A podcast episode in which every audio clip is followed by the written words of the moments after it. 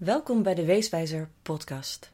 Vandaag heb ik het over leedconcurrentie. Dat is niet zo'n sexy onderwerp, maar we zien het heel vaak om ons heen.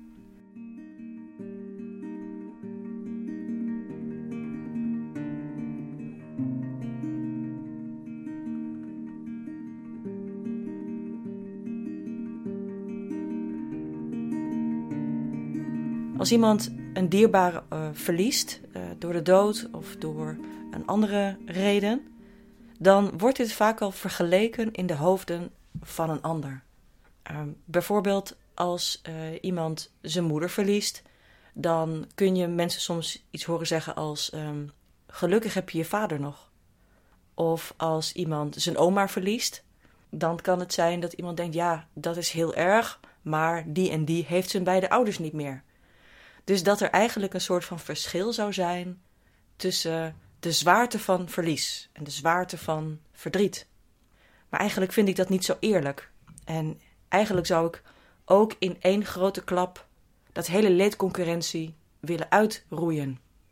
Ik kwam uh, even op dit onderwerp doordat um, vanmorgen uh, Pippi Dijkstra, die bezig is met een hele mooie documentaire, Niemands nummer 1 over weeskinderen Nederland, uh, zij stuurde mij een artikel door, een NRC-artikel, uh, een interview de, met de kop Nu rouwen we allemaal. En um, dat is natuurlijk ook zo. Hè? De, de, afgelopen jaar, sinds begin 2020, is heel Nederland, eigenlijk de hele wereld, ontregeld door het coronavirus. En we hebben allemaal één of meerdere zaken in ons leven verloren.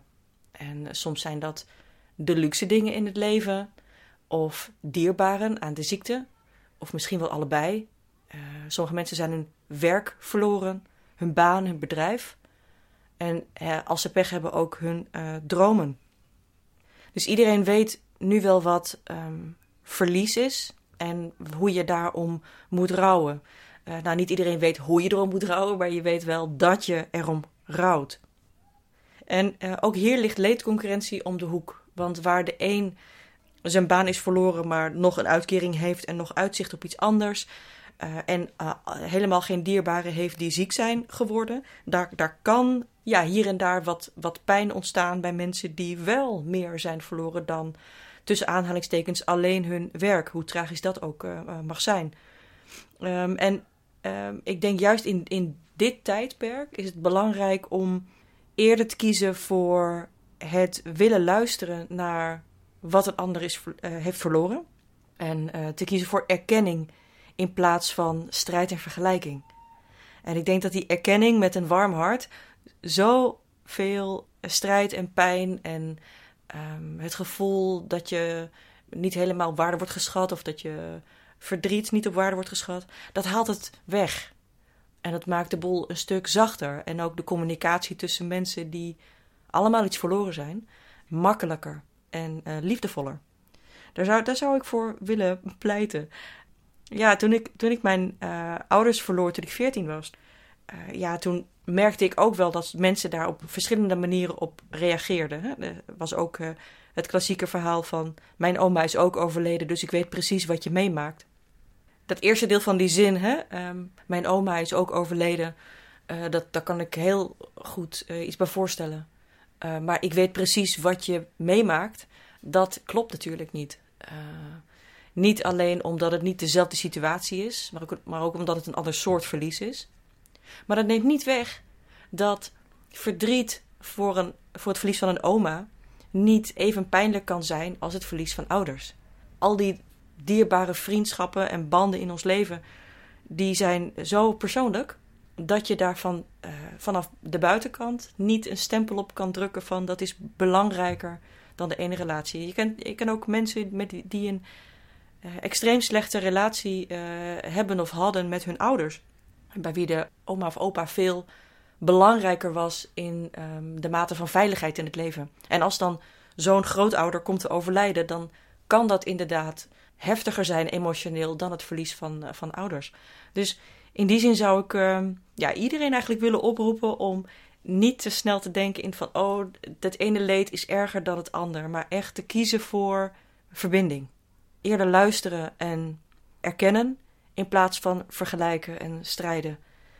Kijk, ik snap op zich wel dat mensen, of waarom uh, mensen soms gaan vergelijken in leed. En dat uh, komt natuurlijk voort uit pijn. Hè? Uh, dat je eigenlijk iets bent verloren en um, daar wil je erkenning voor, omdat je ja, die pijn zwaar vindt om te dragen.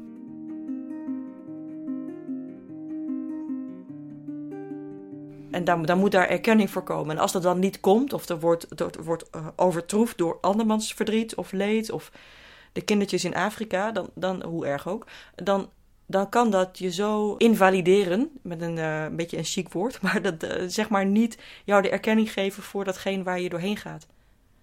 En vaak is de, de makkelijkste oplossing als iemand zegt: Ik heb iemand verloren en ik ben er kapot van dat je naast iemand gaat zitten en zegt van goh, vertel eens, hoe is het met je of hoe is dat voor jou? En dat je er gewoon naar gaat luisteren. Ook als dat drie keer achter elkaar gaat. Dat is fijner dan soms heel goed bedoelde vergelijkingen.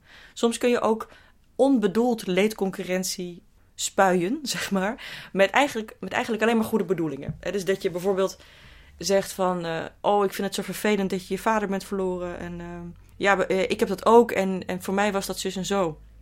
En hoe belangrijk het ook is en hoe goed en lief bedoeld om daarin verbinding te proberen te zoeken door ook jouw eigen ervaring te delen, is het dan nog steeds fijner voor degene die op dat moment een beetje op, he op hete kolen loopt of met zijn ziel onder zijn arm of nou ja, welk spreekwoord je ook wilt gebruiken, welke uitdrukking is het altijd beter om eerst te luisteren.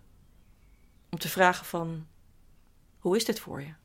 Een van de, ja, dit inzicht kwam wel tot mij, ik bedoel, jaren geleden, omdat voor mij inmiddels 31 jaar geleden is dat ik mijn ouders ben verloren. Dus ik heb best wel wat van dit soort ervaringen meegemaakt, ook in mijn eigen leven, maar ook gezien bij anderen. En uh, bij mij was de uh, verdrietigste eigenlijk ook een die mij het meest leerde over uh, andermans pijn. En normaliter zou ik het niet delen, maar bij deze doe ik het wel. Toen ik mijn eerste boek, Zo ben je wees, ook in het Engels uitbracht. So You're an Orphan Now heet het. Toen deed ik dat ook in Ierland. En ik was toen in Dublin en mijn uh, editor was daar ook. Zij komt uit Texas en uh, ze had ook vriendinnen hier in Europa. En een van haar vriendinnen kwam uit Duitsland. En zij was ook bij het uitkomen van het boek. En zij uh, zag iets over, over mijn boek. En we waren er ook bij, bij een filmpremière voor, voor, voor iets anders. Dus niet over mijn boek, maar iets anders. En uh, zij zei, oh, je hebt een boekje geschreven. Wat, nou, leuk. En waar gaat het over? En dan zei ik van, nou, ik, ben mijn ouders verloren. En um, ik heb geschreven over wat er in de jaren daarna gebeurde. Over met name ja, vanuit educatief oogpunt. Dat is mijn beweegreden geweest om het te schrijven. Omdat ik het belangrijk vind dat mensen weten wat ze kunnen doen en zeggen. En hoe, hoe, ze kunnen handelen als zij in een omgeving een jongere hebben die, wiens ouders zijn overleden. En zei ze, oh je ouders overleden. That's nothing.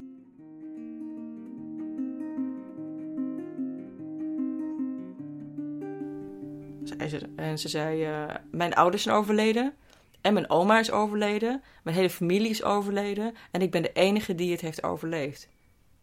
En ik zei, dat vind ik gruwelijk voor je. Uh, ik vind het heel erg dat je dit hebt, uh, hebt meegemaakt. Zij zei, nee, nee, nee, uh, ik ben er al overheen. Maar jij zit nog in dat trieste situatie dat jij het moeite hebt met het verlies van je ouders. Sterkte daarmee. Maar ik weet wel wat meer van de wereld. En um, op dat moment stond ik perplex. En ik wist niet zo goed wat ik moest zeggen.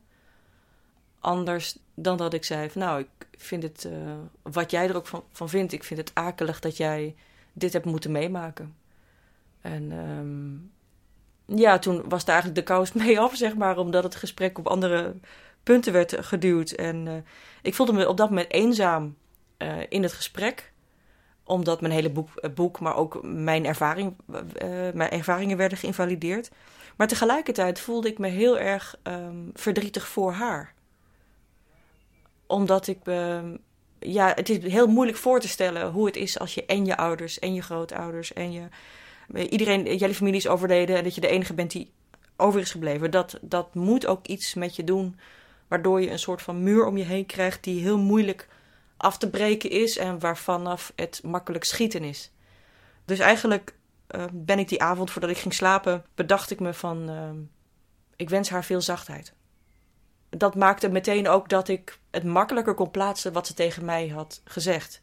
Ik vond het niet aardig, ik vond het niet, niet tof. Um, het was typisch een geval van uit de hand gelopen leedconcurrentie. Maar omdat het zo extreem was, wat er die avond gebeurde, eh, voelde ik ook uh, ja, compassie. Omdat ik dacht, hoe, uh, hoe veel verdriet moet je hebben als je zo naar de wereld en naar de pijn van anderen kijkt. Dus in die zin vond ik het ook een, een mooie opening naar nog meer barmhartigheid. Want ja, zij liet haar pijn zien en, had, en, en, en hoe dat er ook uitzag richting mij, um, denk ik dat het belangrijk is om andermans pijn te valideren. Um, en eerder te luisteren dan te oordelen of te vergelijken of te strijden. Omdat ik denk dat de wereld daar gewoon echt een heel stuk mooier van wordt. Kijk, het afgelopen jaar heeft, heeft iedereen iets of iemand, of misschien wel allebei, verloren.